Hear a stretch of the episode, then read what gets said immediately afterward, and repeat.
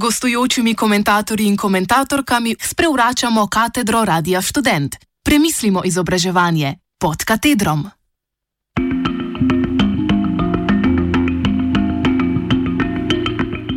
Mene ne bo nihče cepo.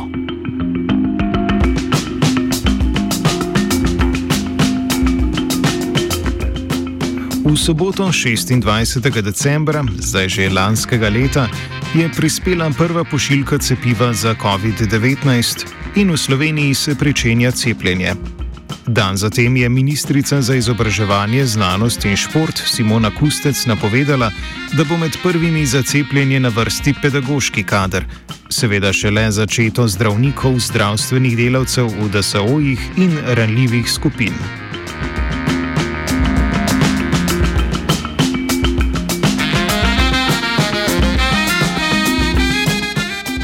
Mnenja o nujnosti in učinkovitosti cepiva so razdeljena, predvsem na družbenih omrežjih, tudi znotraj skupin, v katerih se združujejo učitelji in učiteljice, zasledimo teoretiziranje zarod. To je naprimer skupina Kakšno šolo hočemo, ki šteje dobrih 4300 članov in članic. V njih do cepljenja zasledimo odklonilne komentarje. Naprimer, citiramo: Zaradi mene se lahko cepite vsi v NIJZ, jaz se ne bom, tudi moji otroci ne, ker vem, da cepivo ni varno. Konec citata. Podobnih objav in mnen je mnogo. Zdi se, da tudi med pedagoškim kadrom veliko posameznikov nasprotuje cepljenju, nekateri pa nasploh nasprotujejo tudi korona ukrepom.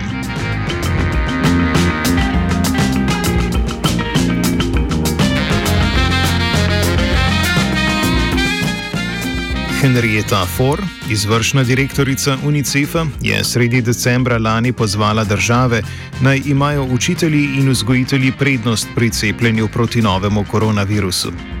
Ob tem je povdarila, da šole niso glavni vir množičnih okužb in pozvala k čimprejšnji varni vrnitvi vseh učencev v šole ob upoštevanju zaščitnih ukrepov. Zaprtje šol ima namreč negativne dolgoročne posledice za otroke po vsem svetu, tudi v Sloveniji. Na hitro ponovimo: težave z duševnim zdravjem, zmanjšana motivacija za izobraževanje, večje tveganje za zlorabe ter porast nasilja, neenak dostop do digitalnih učnih virov in različna podpora staršev. Vse to krepi razkorak in neenakost med mladimi.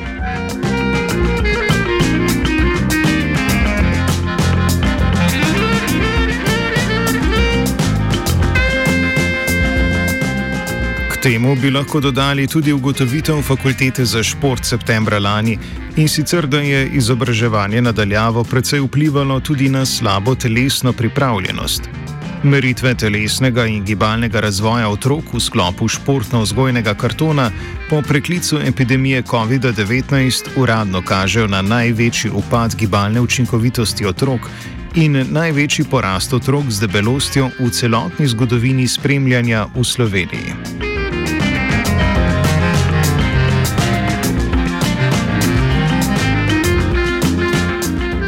Analiza podatkov kaže, da so otroci od 1. do 9. razreda osnovne šole v najhujši krizi telesnega in gibalnega razvoja. Omejevanje gibanja pa prinaša slab obed za razvoj otrok tudi na drugih področjih. Več kot nujno se zdi čim prejšnje vračanje otrok v šole. Cepivo je na voljo, možnost prekinitve izobraževanja nadaljavo se realno prikazuje, a trenutno se poraja vprašanje, ali se bo pedagoški kader pripravljen cepiti.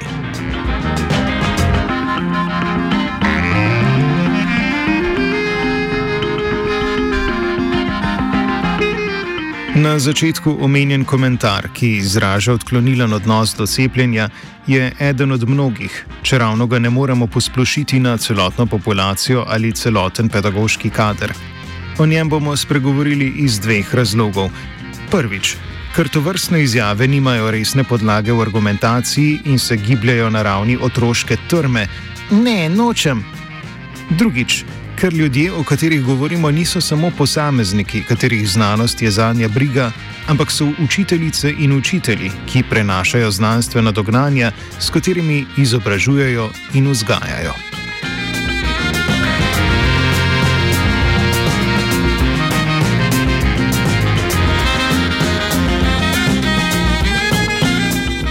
Skepticizem je do neke mere upravičen in celo zaželen znotraj vzgojno-izobraževalnega procesa. Verjamemo, da mora izobraževalna institucija preuprašati družbeno realnost in pomembno je, da pri obravnavi učnih vsebin na to navaja tudi učence in učenke. Zagata pa je posebej izrazita, kadar je pogovor med učiteljicami in učitelji popolnoma nereflektiran in neargumentiran. Zdi se, da v tem trenutku vse znanstvene organizacije tulijo v en rok o legitimnosti in pomenu cepiva, medtem ko si velik del javnosti predtem zakriva ušesa.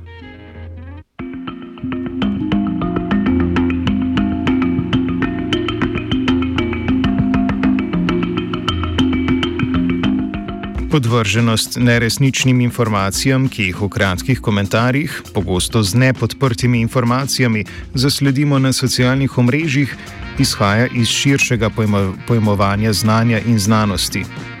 V delu o pogojih vzgoje iz leta 2011 avtori Marie-Claude Ble, Marcel Gaucher in Dominik Otavi ugotavljajo, kako se spreminjata status in vloga znanja, vednosti in omike v življenju naših družb.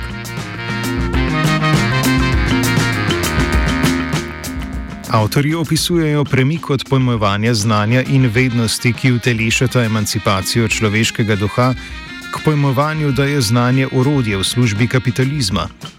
Razvrednotenje znanja je tesno povezano z našimi pričakovanji do znanosti, ki je okoli leta 1900 začela doživljati krizo. Tisti, ki so se ukvarjali z znanostjo, so začeli tvoriti tehnoznanost kot obliko znanosti, ki je tesno povezana s tehnično-industrijskim svetom in ekonomskimi interesi. Tekmovalnost na trgu dela se tako razrašča tudi na področje znanosti.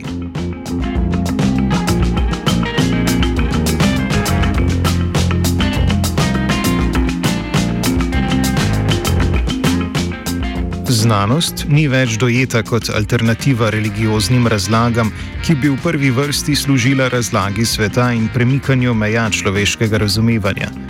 Vse prej je urodje, s katerim posameznik tekmuje na trgu dela. Tako ne le znanost, temveč tudi znanje samo na sebi izgubljata potencial, da bi človeku omogočila osebno rast ali možnost za spoprijem z intelektualno zahtevnimi vprašanji.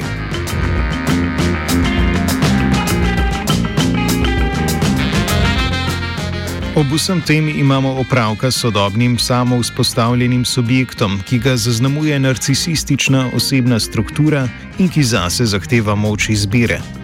Znanstveno celoto dojema bolj ali manj kot eno od možnih pristopov k razlagi sveta. Na nek način se zdi, da mu racionalna razlaga oduzema možnost svobodne izbire.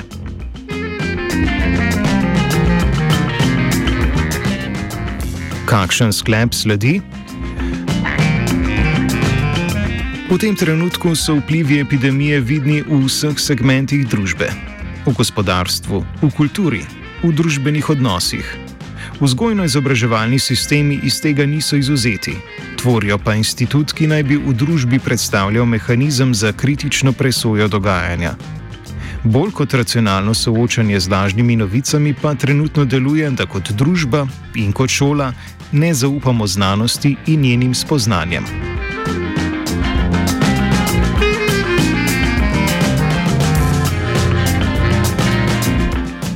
Zadnji meseci morda predstavljajo simptom širšega gibanja nasprotnikov cepljenja, New Age staršev, skrbnikov, učiteljev, učiteljic in drugih, ki se v prostem času ali pa kar poklicno ukvarjajo s pseudoznanostjo.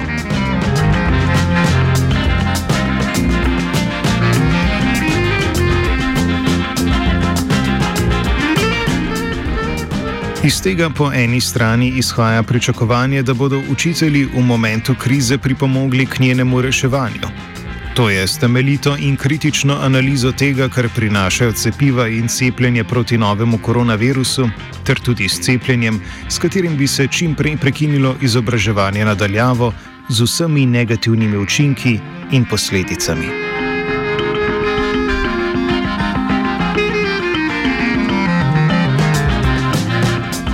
Po drugi strani nas korona situacija uči, zakaj je pomembno kakovostno splošno izobraževanje in ob tem ostro zavračanje teženj po vnašanju neposredno uporabnih za trg zaželenih vsebin.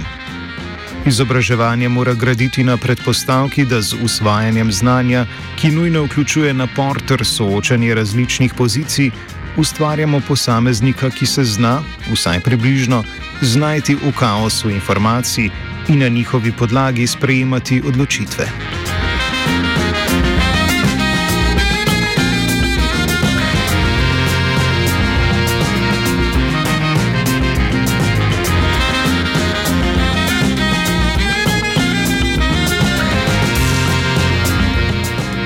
V bran znanosti in znanju je stopila vajenka Katja ob mentorstvu Matije.